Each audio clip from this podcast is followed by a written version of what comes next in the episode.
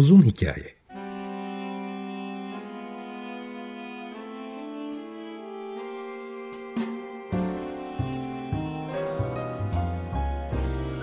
Sinir bilim, psikoloji, felsefe ve müzik.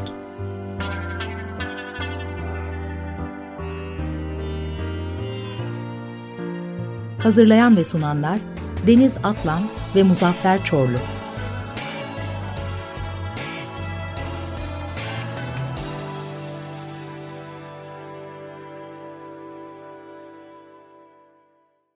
95.0 Açık Radyo'dan, Açık Radyo.com.tr ve onun uzun hikayesinden herkese selamlar. Bir süredir konuklu program e, yapmıyorum ama iki hafta önce duyurmuştum hatırlarsanız. E, yapay zeka üzerine ayrıntılı programlar ve konuklar yapacağımı. İki haftadır hem sağlık nedeniyle hem de işte okuldaki yoğunluk vesaire e, şey olamadık konuklarla, senkronize olamadık. O yüzden e, önümüzdeki haftaya planlıyorum. Ama bugün gene daha önceden e, bir e, azıcık da olsa girdiğim ve daha detaylı bir şekilde şekilde programını yapacağım dediğim e, bir adalet, protesto, direniş müziklerinin nöromüzikolojisi bağlamında program e, yapmayı da dediğim gibi söylemiştim. Oradan isterseniz e, devam edeyim. E, çünkü geçen hafta e, Beethoven'ın e, kulağı, saçı bağlamında bir program yapıp işte aslında daha az duyuyor olmak, giderek sağır olması onun hem psikolojisini hem de besleri nasıl etkilediğini, tiz sesleri, bas sesleri nasıl kullandığını, müzik formlarını nasıl e, tercih ettiğini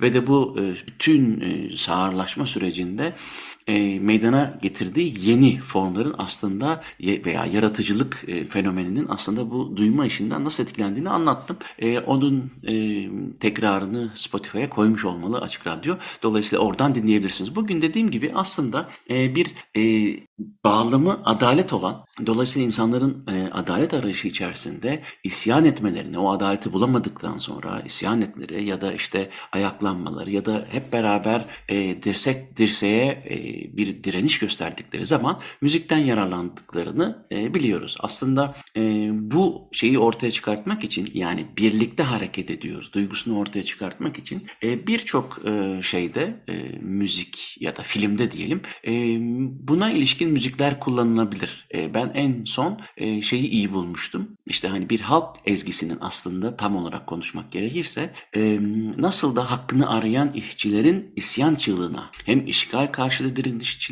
resmi marşına hem de dünyayı kasıp kavuran mesela işte La Casa, Casa del Papel filminde olduğu gibi dizisinde olduğu gibi popüler bir temasına dönüşebilir. Yani aslında e, burada benim gördüğüm iki tane şey var. Bir, bir direniş için, bir ayaklanma ya da bir adalet arayışı için yapılan müzikler var. Bunlar bir tarafta. Bir de zaten aslında bir halk ezgisi olarak e, dolaşan müziklerin e, tekrar düzenlenerek kullanılması var. Bu ikisi arasında fark var onları da konuşacağım. Aslında e, ben bütün bu adalet arayışı ya da işte isyan adını siz koyun önemli değil direniş e, ne dersiniz deyin bunlarla ilgili müziklere geçmeden önce aslında bu duygunun e, neden bu kadar yoğun olduğunu adalet e, insanın DNA'sında nasıl bu kadar da e, sert tepkileri yol açabildiğini birazcık açayım. Aslında Homo sapiens DNA'sıyla %98.8 8 oranında benzerlik gösteren bir e, bonomo maymunları üzerinde yapılan deneyler var. Kapusin maymunları üzerinde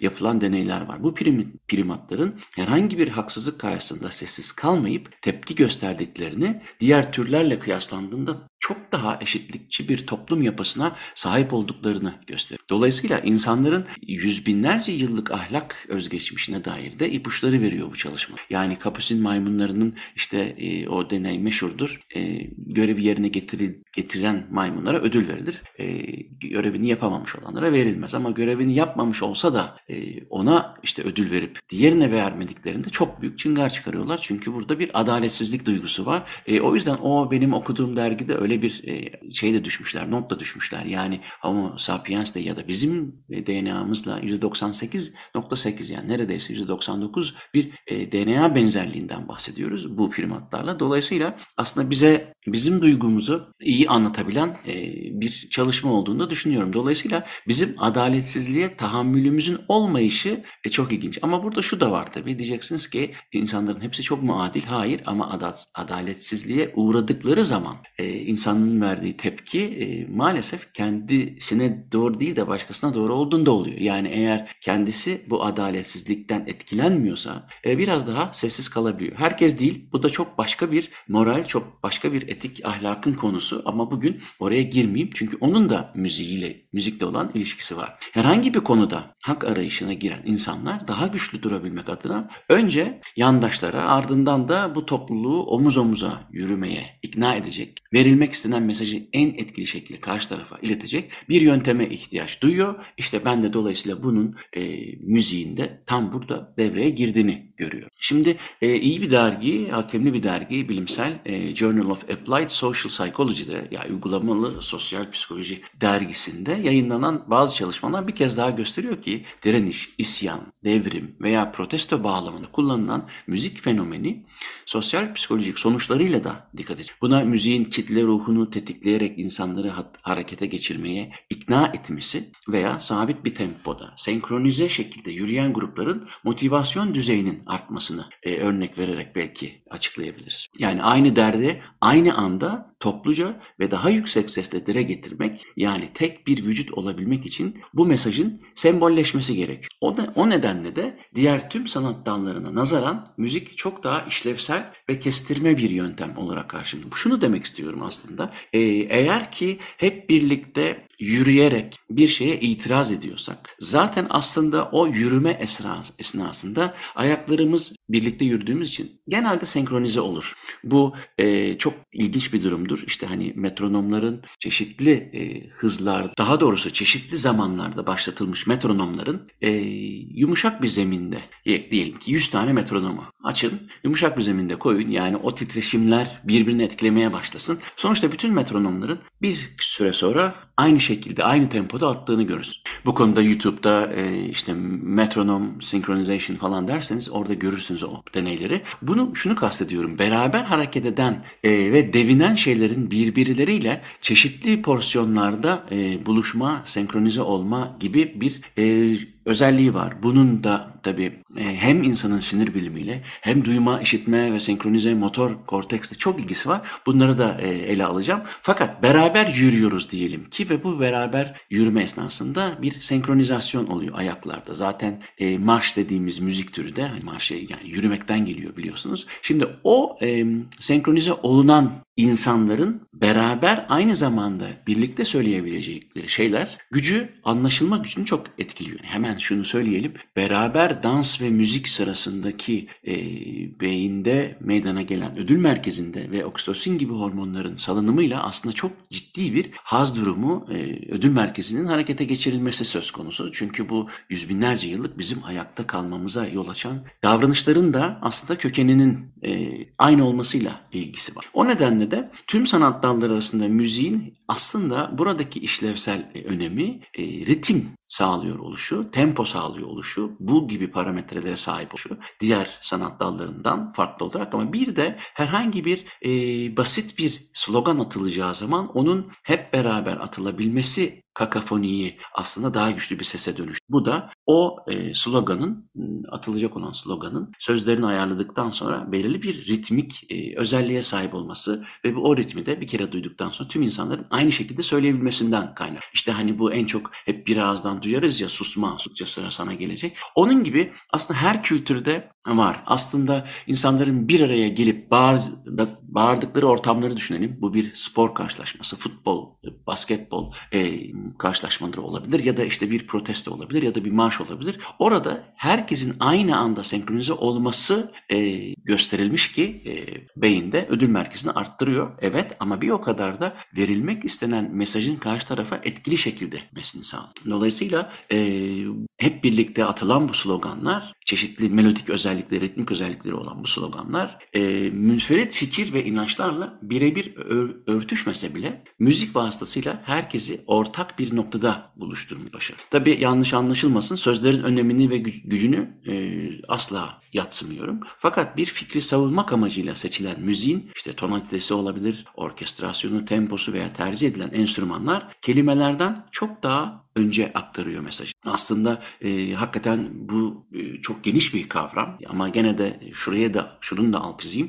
Bazı araştırmalar müziğin konuşmaya oranla çok daha yüksek bir etki ve ikna gücüne sahip olduğunu gösteriyor. E, bu bununla ilgili e, ayrıntılı e, bir iki program yapmıştım ama şunu kastediyorum. Mesela e, bu Nazi Almanyası'nın e, milli marşı kabul edilen bir parça var. İşte Horst Wessel E, yani bana sorarsanız bu duruma verilecek en örneklerden birisi. Ters anlamda. Yani marşın sözleri ne kadar iddialı olursa olsun Almanca bilmeyenler üzerinde yarattığı his yerel bir Bavyera şarkısından öteye geçmiyor. Çünkü müziğin dili verilmek istenen mesajla pek uyuşmuyor. Yani Horst Wessel Lied'e bakarsınız ya da işte 1930'lardaki 40'lardaki Alman Nazilerin önce parti marşı sonra milli marşlarına dönüştürdükleri bu parça aslında e, tipik bir e, Bavyera'da, Münih'te bir e, yerel birhaneye gittiğiniz zaman ya da işte Hofbräuhaus gibi bir yere gittiğiniz zaman orada çalınan e, nefesli ve telli çalgılarla tipik bir Bavyera halk şarkısıdır. E, hala da çalınır ama tabii ki e, sözleri değiştirildiğinde e, o Hitler'in kendi Bavyera bölgesindeki o nasyonel sosyalist e, ruhu ortaya koymak için seçmiş olduğu bu parçanın aslında e, sözleri dışında hiçbir şekilde e, uyuşmadığını görürüz. Bu aslında bana göre çok iyi bir örnek. Çünkü ben bunun da şeyini yaptım, deneyini. E, şöyle ki kendi aramızda hani e, o tür Bavyera halk şarkılarının arasına bunu sıkıştırdım sözsüz. Hiç kimsenin dikkatini çekmedi, çekemez. Dolayısıyla ben biraz daha e, sözlerin müziği desteklemek amacıyla kullanıldığını düşünüyorum. Benim bakışım öyle. Dolayısıyla müziğin kendi mesajını eğer iyi hesaplamış, kitap etmişsek ve de kendi evrimsel biyolojik e, kodlarımızdan yararlanmışsak hiçbir müziğin sözlere ihtiyaç olduğunu düşünmüyorum. Ama e, sözlerle birlikte daha güzel olabilir mi? Başka bir anlam yaratabilir tabii. Şimdi ritim topyekün hareketin ön koşuldur dersem abartmış olma. Yani hep verdiğim bir örnektir ama bu çok e, bana göre e, etkili bir örnektir. Biz e, onlarca yıldır bu konularda seminer verdiğimde senkronizasyonun yüksek primatlarda örneğin insanlarda nasıl etkili olduğunu ve de medeniyetin nasıl başlangıcı olduğunu hep şu örnekle veririm. Düşünün eğer iki kişi bir, iki, üç deyip de taşı kaldıramamış olsaydı taş üzerine taş koyamazlardı. Dolayısıyla aslında ilk yapıların e, üst üste konan daha ağır taşların beraber üst üste konabilmesi için iki insanın senkronize olması gerekiyor. Ve bu aslında beyinde o kadar çok bölgenin e, bu konuda yani bu işi başarabilmek için harekete geçtiğini görüyoruz ki işte beyincikten e, striatuma, e, bütün motor korteksten sensörye, bütün neredeyse bütün beyin e, iki insanın senkronize olması için ortak çalışıyor. Dolayısıyla yüz binlerce yıllık beynin evriminde senkronize olmaya e, çalışmış olmak bizim ayakta kalmamıza ilişkin ipuçları taşıyan bir özellik. Dolayısıyla da e, bu hani iki insanın beraber senkronize olmasının dışında topluluk büyüdükçe, toplumlar büyüdükçe yapılan senkronize hareketlerin etkisi de artıyor. Yani o birimiz hepimiz, hepimiz birimiz için duygusu, hedefe kitlenme motivasyonu belki de. Konu her ne olursa olsun bu davada yalnız olunmadığı hissini de tetikliyor. Dolayısıyla basit ritmik öğeler, yalın bir melodi, yürüme temposuna yakın bir hız ve akılda kalıcılık, direnişlerle özdeşleşmiş müziklerin ortak özellikleri arasında yer alıyor. Yani aslında e, şunu demeye çalışıyorum. Bir slogan atıldığı zaman o sloganın hem ritmi hem temposu hem de akılda kalıcılığı aslında bizim e, on binlerce yıllık kognitif, yüz binlerce yıllıkta e, diğer özelliklerimizin evrimleşmesi sonucunda bize getirdiği bir özellik. Dolayısıyla da hemen hemen herkesin e, hoşuna gitmesi, yapılan araştırmalarda herkesin ödül merkezinin harekete geçmesi belki de bundandır. Ama o özellikleri tekrar söyleyeyim. Hem e, burada önemli olan ritmik öğelerin basit oluşu. Yani çok kompleks poliritmik özelliklere sahip olmayışı önemli. Melodinin yalınlığı yani e, herkesin söyleyebilmesi için çok tiz, çok bas seslere değil de insanın genel geçer işte bir oktavı fazla aşmayan e, ve de atlamalı aralıkların da e, kolay olabilen bu kültüre göre değişebilir. Ama burada bir de şey de var tabii yürüme temposuna yakın olması önemli. Çünkü insanların ortak bir yürüme hızı var diyebiliriz diyelim ki 80. Orada olması temponun yani metronun yorumlama göre düşünüyorum. Aslında o e, atılacak olan sloganın ritmik ve temposuna ilişkin bir e, yardımcı unsur olarak kabul edilebilir. Tabii eğer bir de parçanın ritmik unsurları topluca slogan atmaya yönelik prozodik bir avantaj sağlıyorsa o zaman e, iş çok kolaylaşıyor. Bu prozodik özellikler güzel çünkü e, ben en çok dediğim gibi biraz önce hani susma sustukça da olduğu gibi birçok e, mesaj bu melodi daha doğrusu bu ritmik yapıya indirgeniyor ve bu melodi kullanılıyor aslında prozodik olarak uymuyor. Yani öğretmen istemiyoruz gibi e, bizim Türkçe'de aslında e, bizim anlamamızı zorlaştıracak bir prozodik yapıya yol açmaması için o e, yazılan metne göre o bir ritim bulunması gerek. O da çok zor bir şey değil çünkü aslında ritmik her bir öğe aslında heceye indirgenmiş. Yani öğretmen ta ta ta üç heceli olduğuna göre oraya bir triyole konabilir ya da işte bir ta ta ta koyabilir. O öğretmeni bizim nasıl dediğimize yakın şekilde ritimlenirse e, hem ezberlemesi kolay hem de anlaşılması kolay oluyor. Bu e, mesela Türkiye'deki İstiklal Marşı'nı Türk çoğu kişi tarafından yanlış okumasının sebebi e, o prozodiye dikkat edilmiyor oluşu. Aynı zamanda tabii e, İstiklal Marşı'nın çok tizlere çıkıyor olması da bir takım zorluklar yaratıyor. Ama özellikle bence orada prozodik kurallara uyulmaması e, İstiklal Marşı'nın sözlerinin çok da iyi anlaşılmasına e, olanak vermediğini düşünüyorum. Dolayısıyla kolay ezberlenip akılda kalması önemli olduğu için e, bu mesajı bir kere duyup tekrar diğer grupla söyleyecek olan kişiler için hemen e, bir alışkanlık hemen ikinci dinleyişte e, katılma isteğini yaratıyor ki bu da biraz önce söylediğim e, ödül merkezinin harekete geçirilmesi için de önemli bir parametre. Şimdi buraya kadar söylediklerimin neredeyse vücut bulmuş hali diyebileceğim büyük bir, e, bir yani çok iyi bilinen bir e, parça var ki büyük kitleleri etkisi almayı da başarıyor. O da Ciao Bella. E, ben bu şarkının e, herkes tarafından bilindiği için zaten e, bundan yaklaşık bir ay, bir yıl önce Andante'de de ayrıntılı yazmıştım bu şarkının özelliğini.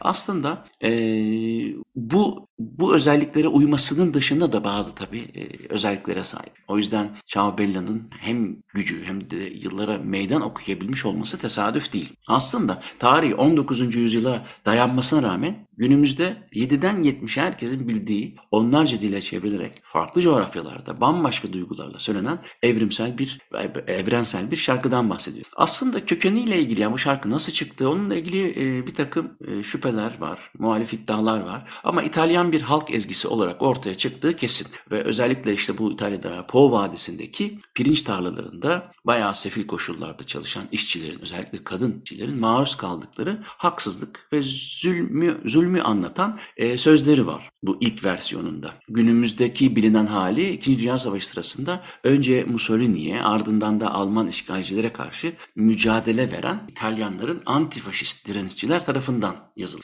Dolayısıyla sözleri değiştirilmiş. Yani aslında Po Ovası'nda işte 19. yüzyılın sonundan bahsediyoruz. Oradaki pirinç tarlalarındaki işçilerin e, yazdığı sözleri var. Dediğim gibi 2. Dünya Savaşı'nda antifaşistlerin de kullanmasıyla onların sözleri var. Ama ilerleyen zamanlarda anarşistleri, komünistleri, sosyalistleri de bünyesinde toplayan İtalyan partizanların resmi ma- marş haline geliyor ki ondan sonra da zaten çok popüler oluyor. Savaştan sonra ise bu yani 1950'lerden sonra bu her türlü haksızlık, eşitsizliğin karşısında duranların, devrim ruhuna sahip irili ufaklı grupların ortak dili olmayı sürdürüyor. Dolayısıyla e, bu şarkıyı örnek vermek yaklaşık olarak nereden baksanız 150 yıla yakın bir e, direnişin simgesi olması bakımından önemli. Aslında Türkiye'de de grup yorumun şarkısı olarak da biliniyor e, Sen Sen Sen adıyla ve e, sevgiliye hitaben yazılmış sözlerle e, Mehmet Taneri tarafından da kaydedilmiş ikinci bir versiyonu bulunduğunu da söyleyelim. Türklerin en az İtalyanlar kadar sahiplendiğini söyleyebiliriz bu devrimci şarkının.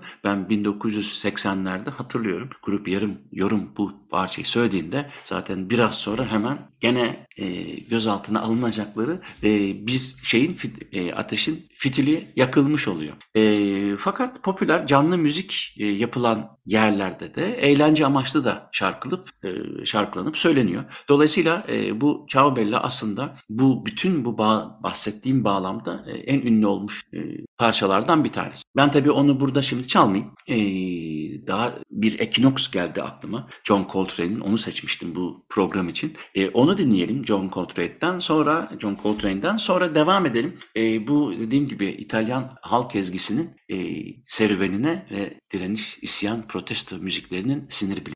John Coltrane'in Equinox'unu dinledik. E, bugün direniş, isyan, protesto müziklerinin e, sinir bilimine, nöromüzikolojisine bakalım. E, başta da e, epey o konuda devam ettim. Şimdi nöromüzikoloji ve müzik dilinin gücüne dair de önemli mesajlar e, veriyor bu şarkı. Yani şimdi dediğim gibi Ciao parçasında e, İtalyan halk ezgisi dışının yani İtalyan halk ezgisi olmasının dışında bir de ben bu işte yaklaşık 5 yıl önce gördüm bu La Casa de Papel adlı dizide e, bir anda e, birinci sezonun sonunda e, kullanıldı ve tabiri caizse bir bu parçanın tekrar patlamasına yol açtı. Tabii ki film müzikleri de teknoloji ve sinir bilim alanındaki gelişmelerden de nasibini alıyor böyle şeyler ama vurucu temalar, sonsuz ses efektleri, hikayesi olan müzikler ve tüm bunların ustaca harmanlaması görselliğin yetersiz kaldığı yerlerde yönetmenlerin imdadına yetişiyor. Bunu soundtrack psikolojisinde oldukça e, detaylı anlattım buradaki programlarda. Ama La Casa de Papel'in o birinci sezonunun e, final bölümünde damgasına vuran sahnede Ciao etkisi aslında sanılandan daha büyük. Yani e, çok da güncel bir konu olduğu için buraya da gireyim. Bahsi geçen sahneyi şöyle tasvir edelim. Aslında kardeş oldukları sonradan öğreneceğiz profesörle. Berlin karakterleri La Casa de Papel'de. Şömine çıtırdı, çıtırdıları da var. Eşlik ediyor o şömineden çıkan çıtırdı sesleri. Ve loş bir salondayız. Yuvarlak bir yemek masasının etrafında karşı karşıya oturmuş ve planladıkları dev soygunu kutluyorlar. İşlerin ters gitme ihtimalinden söz açılıyor ve sessizlik oluyor bu arada. Bu sırada profesör usulca şarkı şarkıya başlıyor. İşte bir sabah uyandığımda diye başlıyor. Fonda ise gerginlik yaratan ses efektlerini kullanıyorlar çok başarılınca. Berlin isteksiz bir şekilde tavır giriyor şarkıya ve birlikte daha sonra e, hem ritmik ve hem yüksek sesle söylemeye başlıyorlar. Ee, ama öleceğimi hissediyorum sözlerinde Berlin tek başına kalıyor. Fondaki gerginliği arttırıyor yönetmen. Profesör kendini toparlayıp kaldığı yerden devam ediyor. Kadeh dokuşturuyorlar. Şarkıyı sonlandırıp sıkıca birbirine sarılıyorlar falan. İkisinin de gözleri doluyor. Bu aslında bir veda sahnesidir ve ilerleyen süreçte Berlin arkadaşlar için kendini feda edecek ve işte ölecek. Şimdi yönetmenin burada kullandığı bu yani eğer diziyi seyretmediyseniz tabii size biraz yabancı gelebilir ama gene YouTube'da sanıyorum sadece o birinci sezonun finali bu şarkının kullanıldığı kısa videolar var 3-4 dakikalık. Bütün bu anlattığım tasviri orada gözleriniz ve kulaklarınızla şahit olarak daha iyi e, hissedebilirsiniz. Ama aslında hem film e, kronolojisi taktiği açısından çok başarılı. Çünkü ikinci sezona devam ettiğinizde işte Berlin karakteri o şarkıyla ne anlama geldiğini ben bayağı bir spoil vermiş oldum ama kusura bakmayın. Ama bunu anlatmak için bu gerekiyordu. E, seyretmemişlerden ve seyredecek olanlardan özür dileyim. Ama sonuçta buradaki e, Ciao kullanılışı e, bir yandan da e, sanki e, zenginden alıp fakire veriyormuş gibi işte bu Robin Hood hikayesi gibi oradaki karakterlerin banka soygununu da biraz daha e, haklı hale getiriyor, biraz daha meşrulaştırıyor ve biz seyircileri de aslında soygunu yapan o hırsızlardan tarafa doğru e, kaymamıza yol açıyor. Bunun bir başarılı taktik olduğunu. Yani dediğim gibi izlerseniz internet üzerinden 3 dakikalık bir sahne yani. Hiç konuşmama geçmemesine rağmen Berlin'in öleceği mesajı Elveda Güzel'in parçasıyla duygusal katmanlar halinde veriliyor olması enteresan. E, amaç tam da bu. O yüzden de tam oturuyor. Fakat belli ki yapımcı Alex Pina ve dizinin e, beyin takımı bunun çok daha ötesinde bir etkiyi hedeflemiş Ciao ile. Niye? Dediğim gibi çünkü Ciao şarkısı 150 yıldır bir protesto eylemlerinin merkezinde. Bu o kadar kolay bir şey değil. E, hesap soranların, hak arayanların toplu isyanıyla dolayısıyla da mağduriyetle özdeşleşmiş bir parça. Ve bu e, kültürler arasında da e, sadece Avrupa kültürü değil Asya ve Afrika'da da bilinen. İşte zihinlerimizde yer eden bu çağrışım hem dizide tarihin gelmiş geçmiş en büyük soygununu yapmaya hazırlayan ve hazırlanan hırsızlara bile bizim e, empati duymamızı ve sempati hissetmemize sebep. O yüzden e, buradaki kullanım Çok mantıklı. Ama e, tabii bu sadece Çağbel'le indirgenecek bir özellik değil. Başta da anlattım. Yani DNA'sıyla, e, sosyal davranışlarıyla yüksek primatlarda da e, bu e, bağırma esnasında insanlar kadar müzik bağlamında ve ritmik bağlamda karmaşık olmasalar dahi gene ses tonlarıyla beraber hareket ederek, seslerini koordine ederek beraber başka bir sürüye saldırma veya kaçmayı planladıklarını düşünürsek eğer kognitif süreçlerin çok daha öncesinde motor kortekste e, kazınmış yani bizi harekete geçirecek bir özellikten bahsediyor. Gene bir Joe Coltrane parçasıyla yavaş yavaş son kısma geçelim. O da My Favorite Things olsun. Sonra programı yavaşça bitirelim. John Coltrane My Favorite Things dinledik. Bugün e, birazcık dediğim gibi direniş müziklerini, protesto müziklerini sinir bilimsel, nöromüzikolojik açıdan ele almaya çalıştım. Bu konuları e, özellikle e, benim konuklu olmayan programlarda ele almaya çalışıyorum. Benim alanım olduğu için ama konuklu e, programlarda daha çok konuğun e, merkeze oturmasından ötürü buraları ele alamıyorum. Hazır e, bu hafta konum yokken gene bir konuyu daha ele almış oldum ama e, lütfen siz e, bu konularda yani insan beynini, psikolojisini, müzik, nöromüzikolojiyi ilgilendiren konularda bana yazmaya devam edin. Ben e, bana yönlendiriyorsunuz gerek Instagram'dan, gerek e, Twitter'dan, gerek YouTube'daki kanalımın altında yazdığınız yorumlardan ve ben onları not alıp burada yapıyorum. Gene hem Instagram üzerinden hem de e-mail üzerinden epey bir e, aldım öneri. Çok teşekkür ederim. Bu önerilerin çok kıymetli olduğunu düşünüyorum. Özellikle en son e, iki kişi aynı anda e, işte hem pedofiliyle ilgili bir e, psikiyatri konu ve konuk alabileceğimi sormuş, istemiş daha doğrusu. Evet o konuda da e, olacak. Bunun dışında sorduğunuz her şeyle ilgili de e, beni eğer ilgilendiriyorsa konu alıyorum. Benim biraz dışımda kalıyorsa da o konuda bir e, konuk davet ediyorum. Dolayısıyla o konularda lütfen çekinmeden yazın. E, ben bunlardan çok yararlanıyorum. Bugün Çağbella üzerinden direniş, protesto müziklerinin sinir bilimini konuştuk demiştik ama bu konunun e, aslında biraz daha ayrıntılı kısmı var. O da e, hani şeylerin özelliklerini verdim. Hangi ritim, hangi tempo, hangi prozodik yapı e, yardımcı oluyor. Dolayısıyla nasıl yapılmalı? O konuda iyi örneklerle bezediğim bir programı. Konu birazcık yeni şeylere gebe olsun, yeni kullanılsın. Çünkü bu Çağbella La Casa de Papel'de kullanılan be, kullanıldığından beri tekrar yapmak istiyordum. Dolayısıyla tekrar e, bu konuyu başka yönleriyle de alı, ele alacağım. Ama dediğim gibi siz bana ulaşmak için lütfen muzaffercoğlu gmail adresine yazın. E, bu konulardaki fikirlerinizi ya da önerilerinizi lütfen söyleyin. Bunun için Twitter hesabımı ya da Instagram hesabımı da kullanırsınız. Hep aynı isim. Ve de bu konular e, konuklu olanları görüntülü olarak dediğim gibi ben her hafta e, kendi YouTube kanalıma koyuyorum. Oraya da lütfen e, abone olun ki oradan da ulaşabilirsiniz. Ama radyoda zaten bu programların e, sesini podcast olarak Spotify'a koyuyor. Ben önümüzdeki hafta çok büyük ihtimalle yapay zekadaki e, ayrıntıları konuklarımla konuşmak üzere size veda edeyim. Hepinize günaydın. Haftaya görüşürüz.